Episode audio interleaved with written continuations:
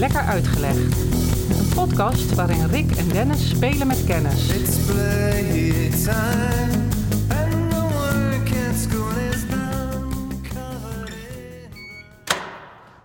Ik weet niet meer waar ik naar zat te kijken. Dat ging over dat wij allemaal schijnt een eh, doppelganger te hebben. Dat boeit mij op de een of andere manier. Er is ergens een foto, een postzegel zelfs, waarop een kind staat Ja. Eh, in het water, met zijn hoofd net boven het water, en die lijkt op mij. Ik ben het niet. Ik bedoel, volgens mij ben ik nog niet op een postzegel vereeuwigd. Maar, Maar eh, die lijkt op jou als kind. ja, ja niet als nu eh, natuurlijk. Nou ja, dat zou ook kunnen. Ja. Kindje Jezus, die wordt ook wel eens als een oude man afgebeeld.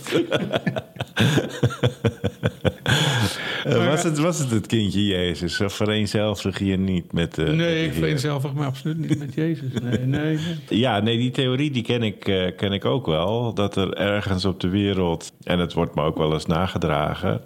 Jou? Nou, dat, eh, dat een kopie van mij ergens gezien is. Dus we dachten echt dat jij het was. En ik zweer het je. En eh, nou ja, ik was het niet. Ik word, zo word ik op de, eh, ons tuinpark altijd door dezelfde vrouw Henk genoemd. Omdat je op Henk lijkt Ja. uiteindelijk. Ja. Ik zei, zullen we dat erin houden? Ja. Ik heb al twee of drie keer uitgelegd. Ze is niet meer een van de jongste. Nee. Nee, goed. En eh, doppelgangers dus. Ja, Ja. het- eigenlijk is de start... Is dat één kant van het verhaal? Andere kant het is weer eens oorlogstijd. Hè? Mhm. Helaas wel. Helaas wel. Iemand ooit zei, dat, dat vrede de periode is tussen twee oorlogen. Mhm. Ja. kun je nu wel weer een beetje stellen nu de oorlog is. Ja, het is, wat is oorlog uiteindelijk? Altijd geweest, schieten. Mhm. Tenminste, dat is voor wat voor mij oorlog is. Dat het inmiddels een heel ander verhaal is met... Ook al sinds de Tweede Wereldoorlog met propaganda Ja. en eh, decoys en eh, ja, Fake news. fake nu. news. Ja, Cyberaanvallen. ja, dat is nieuw. Maar wat altijd een kern blijft, is toch wel... Dat mensen elkaar doodmaken op een Ja, of en andere dat manier. vroeger met knuppels en bijlen en speren.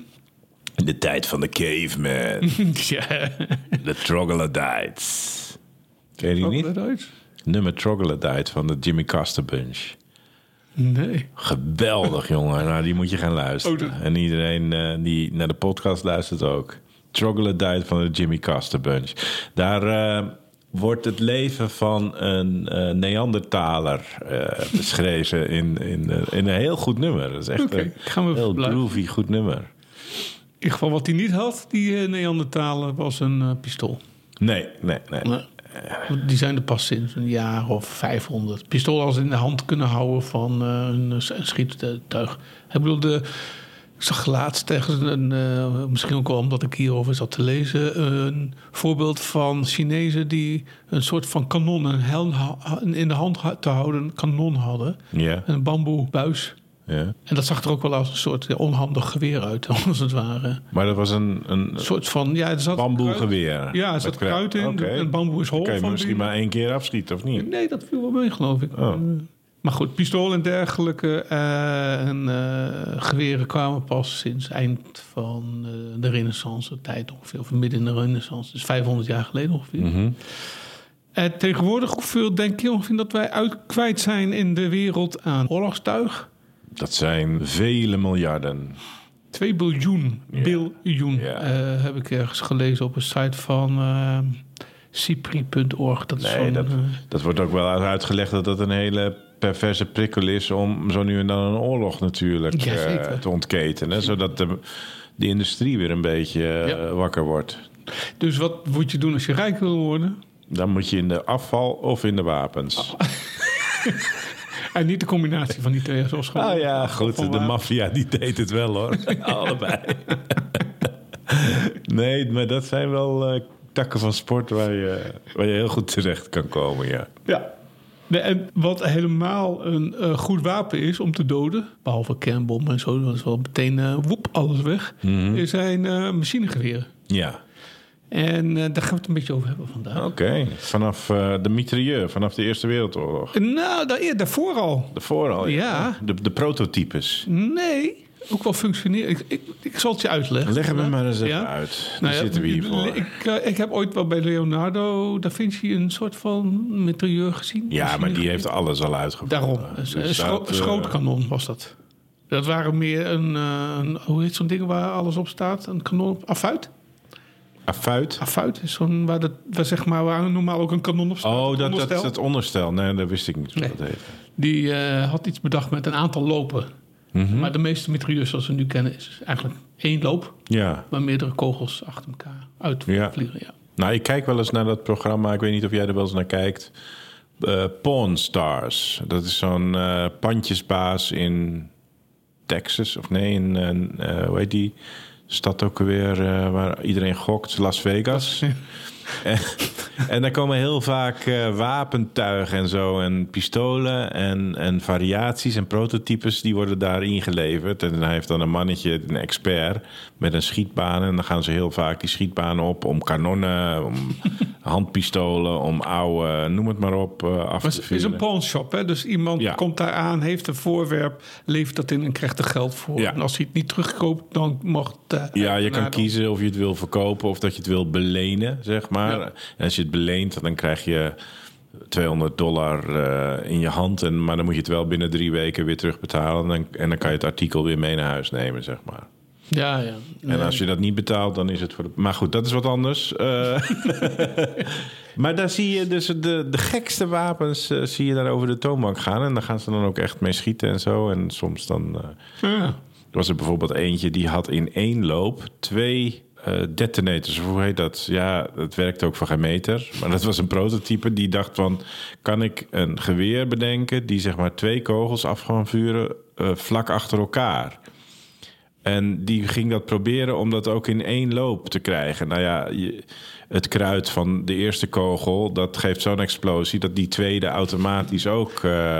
Gaat. dus ik weet niet of ze elkaar in de loop tegenkwamen, maar in ieder geval gingen ze eh, heel ver ervan afstaan eh om hem te testen. En het werkte ook voor Nee, nee, het klinkt niet als een goed idee. Nee, het valt ook niet mee om goede wapens te maken. In de loop van de tijd, nou ja, Da Vinci had zijn, zijn schrootkanon. Je hebt, eh, misschien ken je de naam Gatling Gun.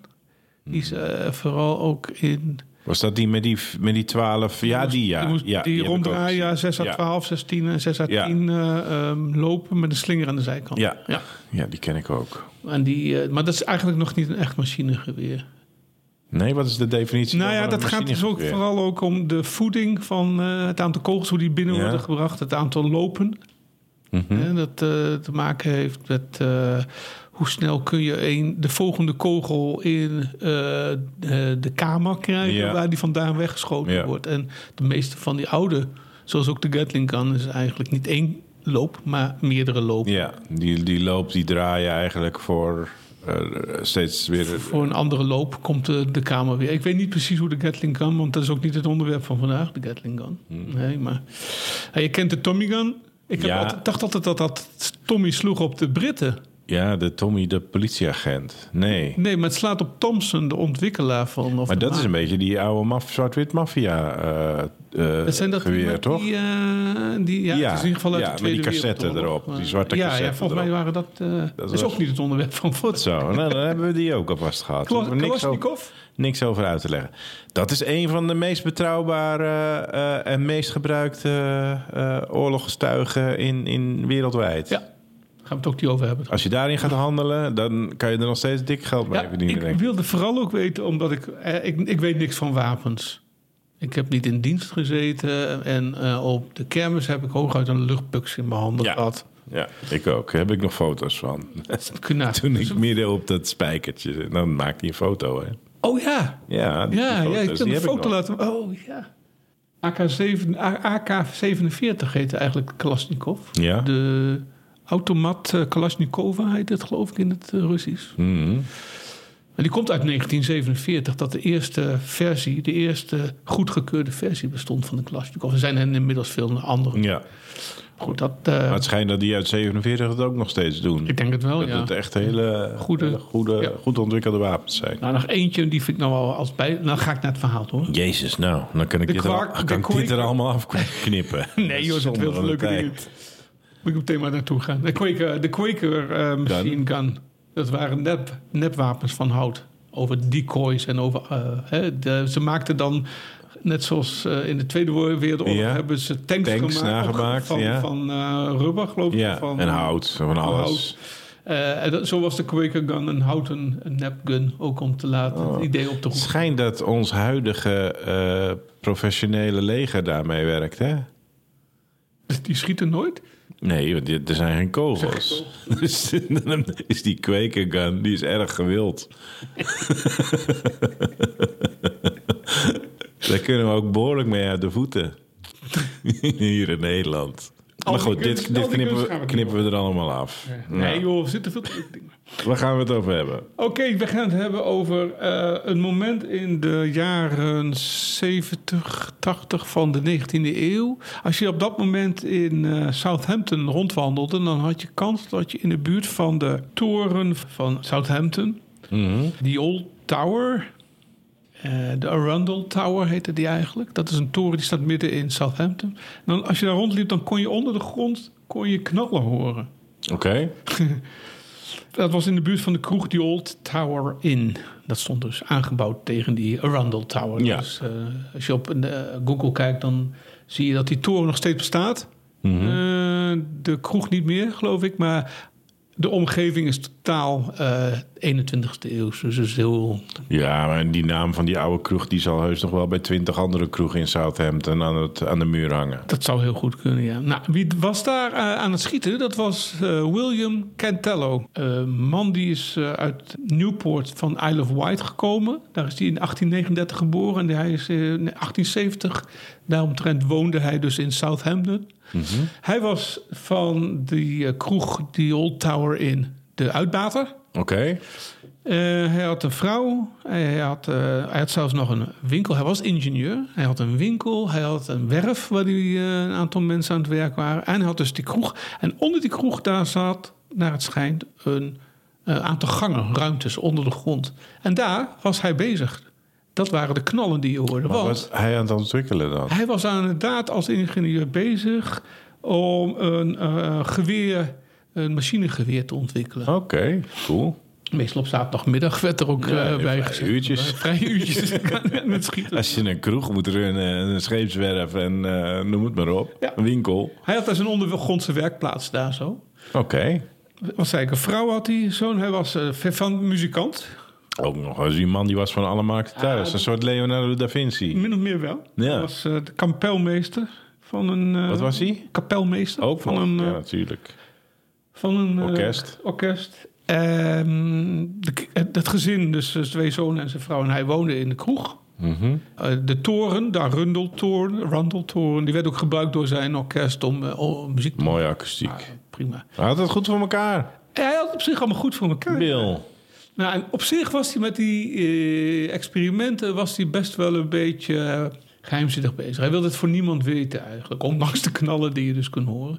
Eh, alleen zijn zonen, die kwamen natuurlijk wel achter. Die zaten heel dicht op zijn huid, die woonden niet mee samen. En die heeft hij uiteindelijk ook in vertrouwen genomen.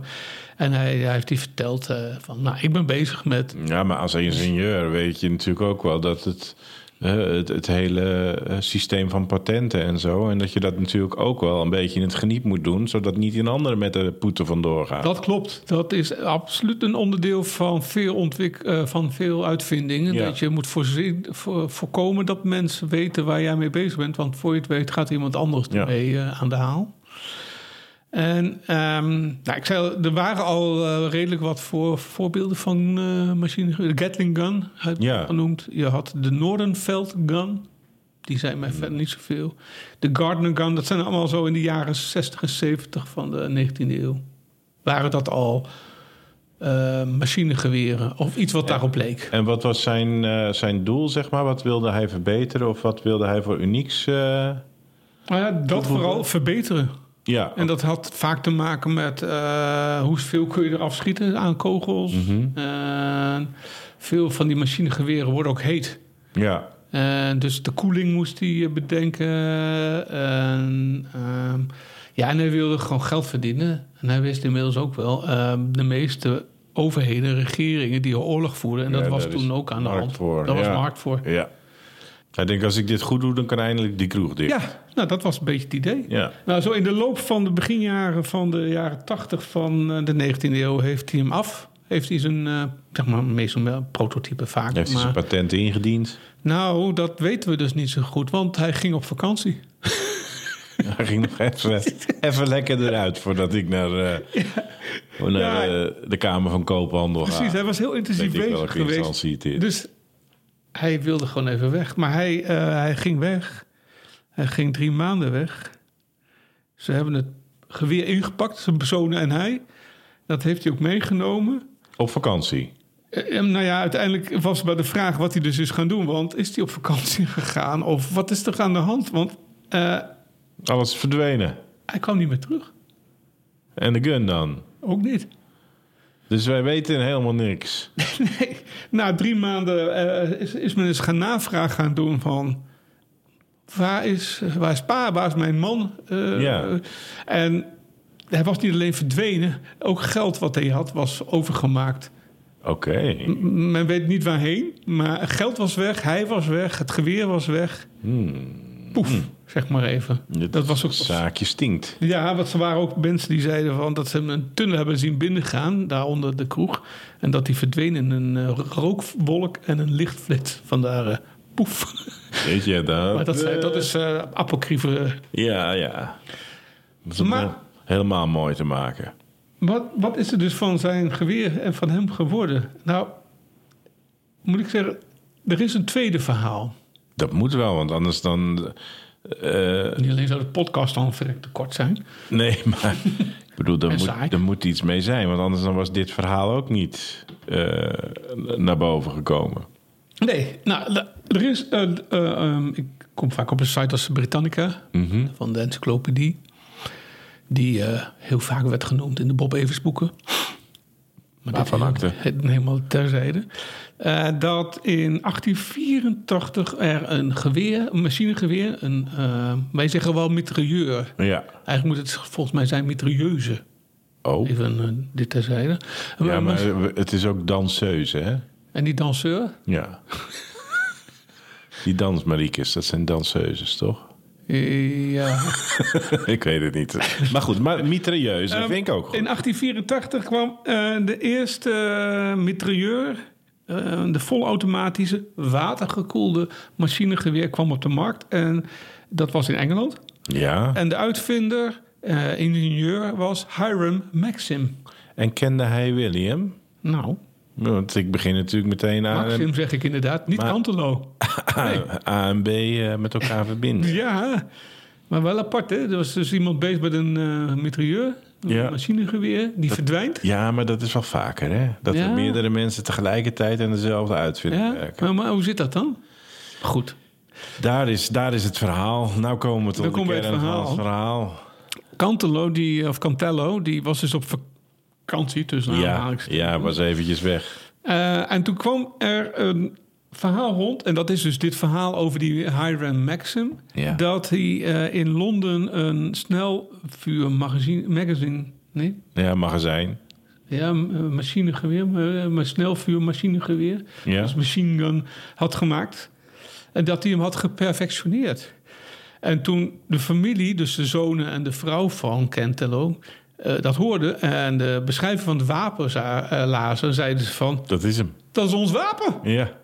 Dus toen ze de foto's van Ma- Maxime zagen, ze zeiden, hé, hey, dat is onze vader. Oh, echt waar? Ja, Oh, die had ik niet aanzien komen. nee, precies. Dus die zonen dachten van, we willen deze man eens ontmoeten. Dus die zijn eh, op een dag eh, rond... dus die, het was geen man die onbekend was. Hè. Het was, Maxime was wel onbekend, iemand. Ja.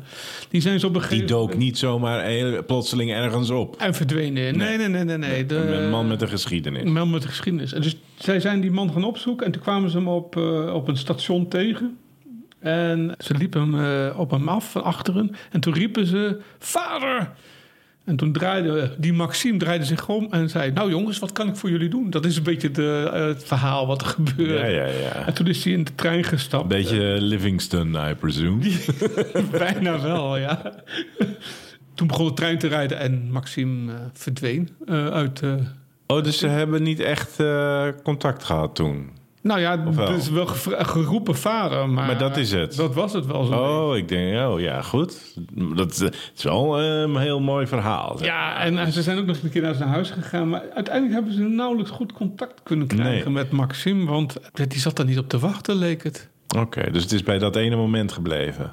Ja, andere mensen die Maxim eh, ontmoette en ook Cantelo kenden... die zeiden van ja, het is wel een opmerkelijke eh, Gelijkenis. gelijkenis. En iemand heeft hem ook aangeroepen, die Maxim, met Mr. Cantelo. En toen keek die man wel op, maar die reageerde verder Hmm. niet naar. Maar wie is dan die Maxim? Ja, Is dat iemand? Is dat Cantelo of niet? Nou ja, eh, het blijkt dus Hiram, Hiram heet hij, Hiram, ja, Maxim. Dat is eh, wel degelijk iemand. ja. Dat is een Amerikaan van geboorte. Hij is in, 19, eh, sorry, in 1840 in Maine in Amerika geboren. Getrouwd met Jane in 1867. En denk je, van, ja, wat is dat zo boeiend aan? Nou, in 1878 claimde een meisje van 15 jaar, Helen Layton... dat zij ook met hem getrouwd is. O jee, En een kind van hem heeft. o jee. In 1881 trouwt eh, Max hem weer. Met ene Sarah uit Boston. Dus die man Die dat was wel, hield wel van de vrouwtjes. Ja, ja, ja, om het zo ja. maar te zeggen. Hij had ook kinderen bij zijn eerste vrouw. Hij had dus een eh, zoon bij, zijn, bij dat 15-jarige meisje. Mm. En zij had aardig wat eh, kinderen. Maar wat, wat was dat voor iemand? Nou, Hak- eh, Maxim was ook een uitvinder. Ja, Ook een ingenieur. Hij heeft een aantal dingen, daar zul je verbaasd over zijn, eh, wat hij allemaal eh, heeft ontwikkeld of heeft uitgevonden. En ehm, waarom hij ook naar eh, Engeland. Engeland. kwam. Want ja. het is een Amerikaan, hij kwam naar Engeland, waar hij ook eh, uiteindelijk is eh, gebleven. Dat mag was wel heeft hij vast wel een vrouwtje gevonden. ja, dat, dat, dat was. ja. 1900 werd hij Brits onderdaan, werd hij genaturaliseerd. Hij werd geridderd. Hij overleed in 1916. En werd hij ook geridderd vanwege zijn bijdrage Ja. aan de wapenindustrie? Nou ja, vooral ook vanwege zijn uitvindingen. Ja. De andere want, uitvindingen. Want hij heeft een aantal gedaan. Nou, vertel op. Hij ontwikkelde bijvoorbeeld de eerste elektrische verlichting in een gebouw in New York. Maar wat was dat nou voor man? Hij zorgde heel vaak ruzie. Hij zocht heel vaak ruzie en hij zorgde ervoor dat hij over dingen als octrooien, je noemde het al, Ja, ja. patenten en octrooien, kreeg hij ruzie mee. Waaronder ook met, wie associëren wij met licht? Edison. Ja, Daar heeft hij dus ook een enorme eh, ja, geschil over gekregen. Hij beweerde dat, en dat is ook weer zo'n verhaal dat je denkt, dat heb je niet handig aangepakt, Maxim. Hij zegt dat een van zijn werknemers eh, heeft de uitvinding op zijn naam gezet. ja. En Edison beweer- beweerde weer dat, dat die eh, werknemer weer onjuist had gehandeld. En, eh, niet bij, hè, dat, dat de octrooiwet... en dat dat ook weer de reden zou zijn dat de octrooiwet... als het allemaal niet klopte, dat die weer openbaar zou worden. En waardoor Dat is een beetje vaag. allemaal heel vaag wat er allemaal gebeurd is. Ja. Maar goed, hij heeft wel gezorgd voor verlichting op, in dat eh, gebouw. Dus die in, eh, Maxime die heeft die verlichting opgehangen in New York. En geclaimd als patent en octrooi. maar dat heeft dat niet goed aangepakt. En dat En, heeft, en dat heeft Edison in diezelfde periode wel beter aangepakt. En daardoor is het op zijn naam Ja, gekomen. Zo Oh, ja. in het kort eigenlijk het Ja. verhaal. Dus dat, de, de, de gloeilamp of verlichting, elektrische Ja. verlichting. Hij heeft een... eh, hij had eh, last van bronchitis, Maxim. Heeft een puffertje.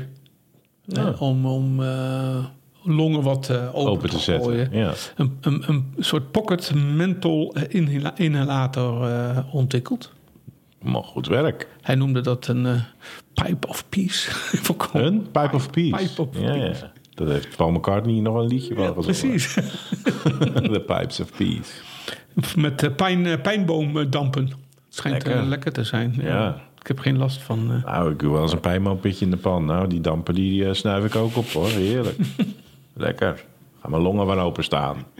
ehm, Maar goed, dat is levensreddend. Maar die mitrailleur, nou, dat dat- is eh, behoorlijk eh, aan de andere kant van het spectrum.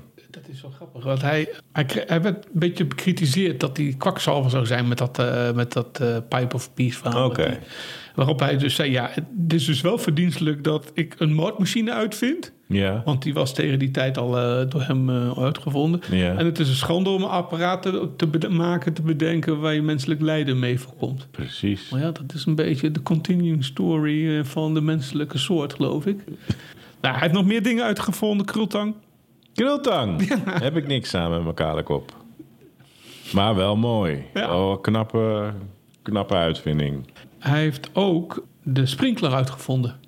Hmm. Dat kwam omdat de meubelfabriek die eh, zei van... eh, die was een paar keer afgebrand. Brand, wat kun je ja. daar niet wat voor bedenken? Dat heeft hij gedaan. Alleen toen het werd... eh, hij was niet in staat om het goed te verkopen. Dus dat was ook een beetje misschien Maxims probleem. Ja. Dus toen het patent afliep, heeft iemand anders het opgepikt. En toen Met die patenten was hij niet zo scherp. Nee, hij was niet zo handig. Hij was meer gewoon, laat mij maar uitvinden. Maar hij had eigenlijk even een, een goede vrouw moeten scoren... die dan even het, eh, het zakelijke Eigenlijk voor wel, hem ging regelen. Ja. Beetje Is slappie. Is niet Beetje gebeurd. slappie. Nee. Nou ja, en wat is er dan met Cantelo? Ja, eh? Want vroeg het me wat net is, af. Wat is wat daarmee gebeurd? Nou, daar is dus niks meer van gehoord. Ze hebben wel een detective erop gezet.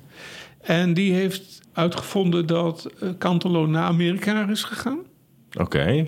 Waar dus Maxim vandaan. Ja, ze hebben een stuivertje gewisseld. Stuivertje gewisseld. Maar verder is niet meer duidelijk wat er nou van hem is geworden, van Cantelo. Nee. Nou schijnt Maxim eh, geklaagd te hebben in zijn... Hij heeft een biografie geschreven. Ja. En daarin schrijft hij dat er volgens hem een dubbelganger rondging in Amerika... die hem, Maxim, nadeed. Aha. Ja, was dat... eh, Ja, Cantello? andersom werd hij ook als vader gezien door de kinderen van Cantello. Precies, dus, dit- dit- dit- dit- eh, maar het kan ook zijn, want eh, Hiram Maxim had een broer, Hudson. Ja. En die was ook uitvinder. Mhm. Die heeft onder andere rookloos buskruid, of eh, ja, rookloos buskruid uitgevonden. Dus waar geen rook vandaan komt als je dat explodeert. Oké. Dus ja. dat is ook een best wel een, Vast ook een hele goede uitvinding. ook een hele goede uitvinding. Zeker als je ook een machinegeweer hebt. Dat zit in, en dan kan je elkaar eens eventjes over horen.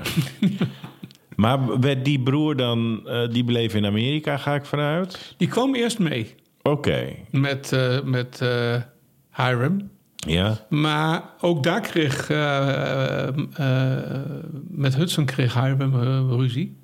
Maar, maar leken die op elkaar? Zo bedoel ik eigenlijk Ja. meer. Die leken Ja, ook heel erg die leken qua uiterlijk op elkaar. Ja. Dan moet je je voorstellen, want zo kwam ook een beetje de, de, de reden waarom men eh, dacht eh, dat eh, Maxime de vader was van die twee jongens. Van, dus de- dat het eigenlijk Cantello was. Ja. Want dat hadden ze vaak als uiterlijk. Baarden. Grote witte Jefferson baarden. baard. Voor een Lincoln baard. Ja, maar heel veel in de jaren 60, 70, 80 hadden van die grote... en als ze wat ouder werden, waren dat van die mooie witte baden. Nou, er zijn twee foto's te vinden van zowel Cantello als eh, Maxim. En die hebben inderdaad Heel veel eh, gelijkenis. heel veel gelijkenis als het gaat om de baard. Ja. Maar laat je niet door een baard afleiden. Nee, nee. Maar, ehm, we weten zeker dat Cantello bestaat heeft. Dat, dat zeker. Maar hadden die kinderen, want die zoon die heeft meegewerkt aan dat geweer...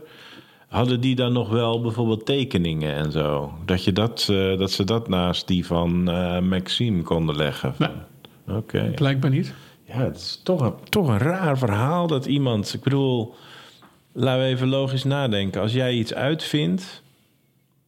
wat eh, potentieel een belangrijke vinding is...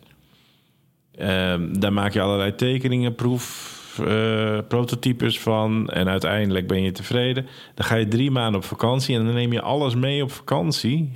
dat, dat vind ik een heel raar. Zijn allebei gegeven. niet handig geweest. Het zijn waarschijnlijk meer uitvinders geweest en denkers en ingenieurs. Beetje zo'n mad professor. ja, een beetje eh, een nerd zouden we misschien nu noemen, maar eh, meer niet. Nee. Nee. Nou, het zijn trouwens wel meer kanteloos geweest die eh, met eh, pistolen en geweren bezig zijn geweest In de familie. in de familie. Dus het is een. eh, Maar het is dus een unsolved mystery. eh, ja, nou ja. ehm, Of komt er nog een staart? Er komt nog een staartje. Hey. Ja, ja, ja, natuurlijk. Even, even vooral duidelijkheid. Men vraagt zich ook wel af, hebben die twee elkaar ontmoet?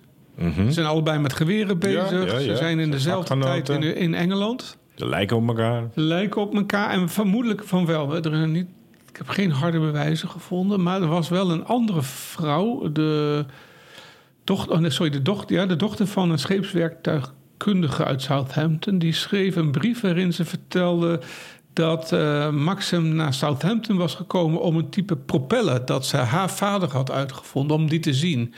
En dat schijnt een beetje Maxim in het kort gezegd. Die ging dingen bekijken.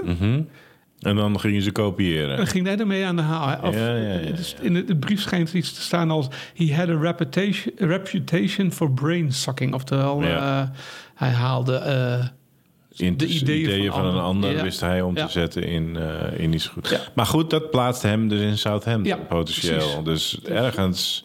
En zeker als ze dan ook nog gelijkenis eh, vertonen... dan zou je kunnen zeggen dat ze wellicht van elkaar op de hoogte zijn. Want de een wordt Ja. misschien eh, voor de ander aangesproken. En zeker als jij in Southampton een bekende kroegbaas... op een iconische plek in de stad bent... dan kent de hele stad jou. Ja. Hè, dat is die, die William. ja, Dus ik neem aan dat als hij daar met dezelfde ideeën en eh, beroepen en werk rondloopt, en dan lijkt er ook nog op. niet zo vreemd dat mensen Nee. denken van... eh, is dat... eh? Ik weet niet hoe groot Southampton toen was, maar het lijkt me niet dat dat onoverkomelijk is. Ik denk dat... En zeker als je in dezelfde kringen verkeert. Hè, inderdaad, hetzelfde soort werk hebt. Ja, Ja. Maar wat is er dan uiteindelijk met William gebeurd? Want beide hebben dus bestaan op zich wel. Ja. Dus dat is niet vreemd. nee. Ehm, is het soms dat William zich verslagen voelde door Maxim? Ja, maar dan gaan we speculeren. Ja, we gaan speculeren, Dan ja. hebben we glad ijs. Ja, nou, We, we pakken het gladde ijs er even ik bij. vind glad ijs op zich wel leuk hier. Want eh, er blijven namelijk wat vragen staan. Hè? Hij is dus verdwenen Mhm. Ja. met zijn wapen. Ja, Er is... Huh? Dat vind ik ongelooflijk, maar ga door. Ja, dit, nou ja, dat is ook. Men vermoedt ook, ook in glad ijs, dat Mhm. er misschien een Victoriaans melodrama speelde. Ja, maar die speelde toen heel veel. Ja, precies. Maar dus dat is eigenlijk minder glad ijs dan je denkt. Het zou, Ja. het zou best kunnen Ja. dat hij een minnares had. Ja, dan kom je ook al... eh, nou goed, ga door. Ja. Ehm, kijk, ik heb nog niet verteld waarom Maxim eigenlijk naar ehm, Engeland kwam.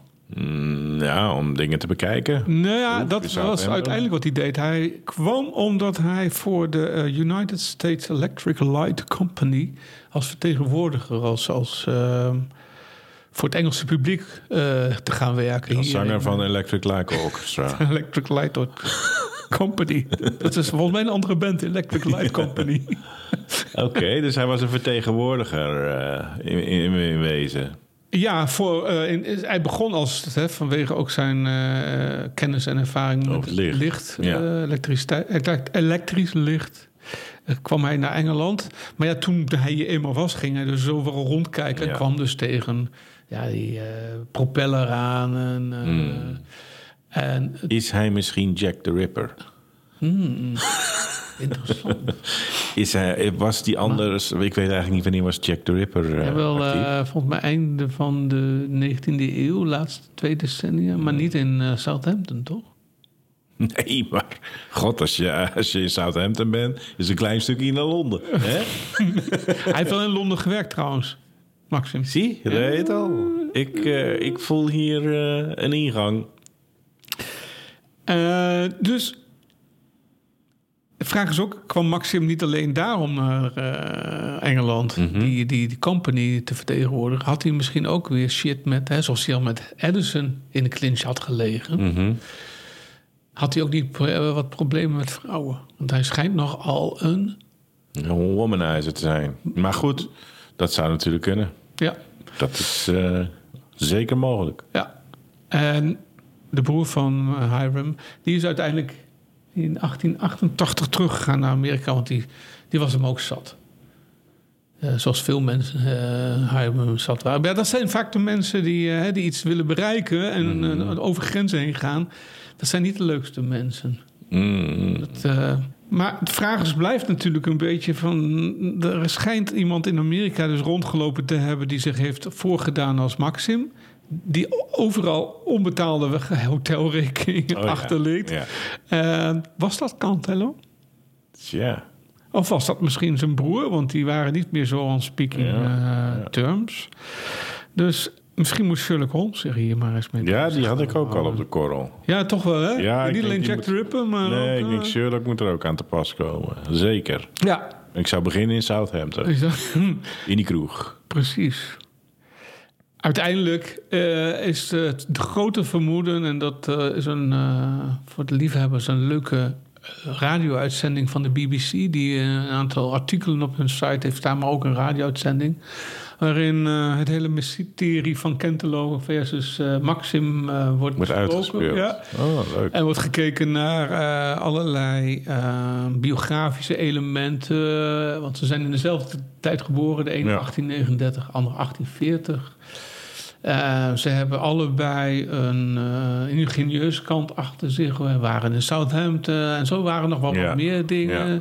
Ze wilden ook allebei eh, niet begraven worden in, in, in, in een geestelijk, christelijk of andere geloofshoek. Ze waren, dat zijn ook zo, in overeenstemming met hun wens begraven zonder geloofs, zonder hulp van geestelijken. Maar dat weten we natuurlijk niet van. eh, nee, maar dat was wel de wens van. eh, Ja, oké, ja, dat dus kan dat- wel. dat wel. Ja, ja, Ja. de wens wel.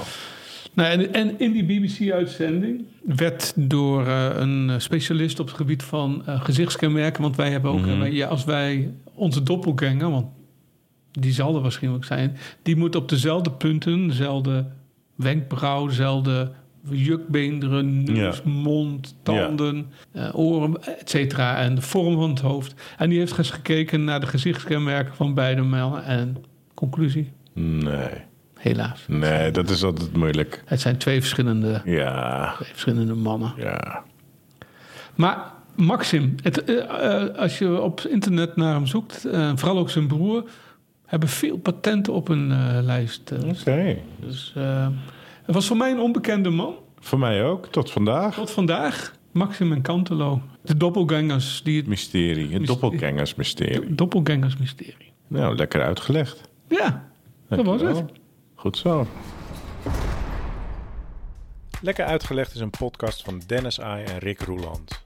Wil je geen uitleg missen? Abonneer je dan op Lekker Uitgelegd. Dat kan op Spotify, iTunes of in je favoriete podcast-app. Laat ook vooral een recensie achter. Dat vinden wij leuk en andere mensen kunnen ons dan sneller vinden.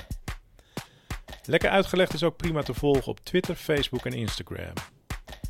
Wil je meer weten over deze aflevering? Kijk dan op lekkeruitgelegd.nl. En wil je reageren? Dat kan. Stuur dan een mailtje naar info@lekkeruitgelegd.nl. Tot over twee weken. Lekker uitgelegd is een klankmedia productie. En de muziek, die is van Kolbak.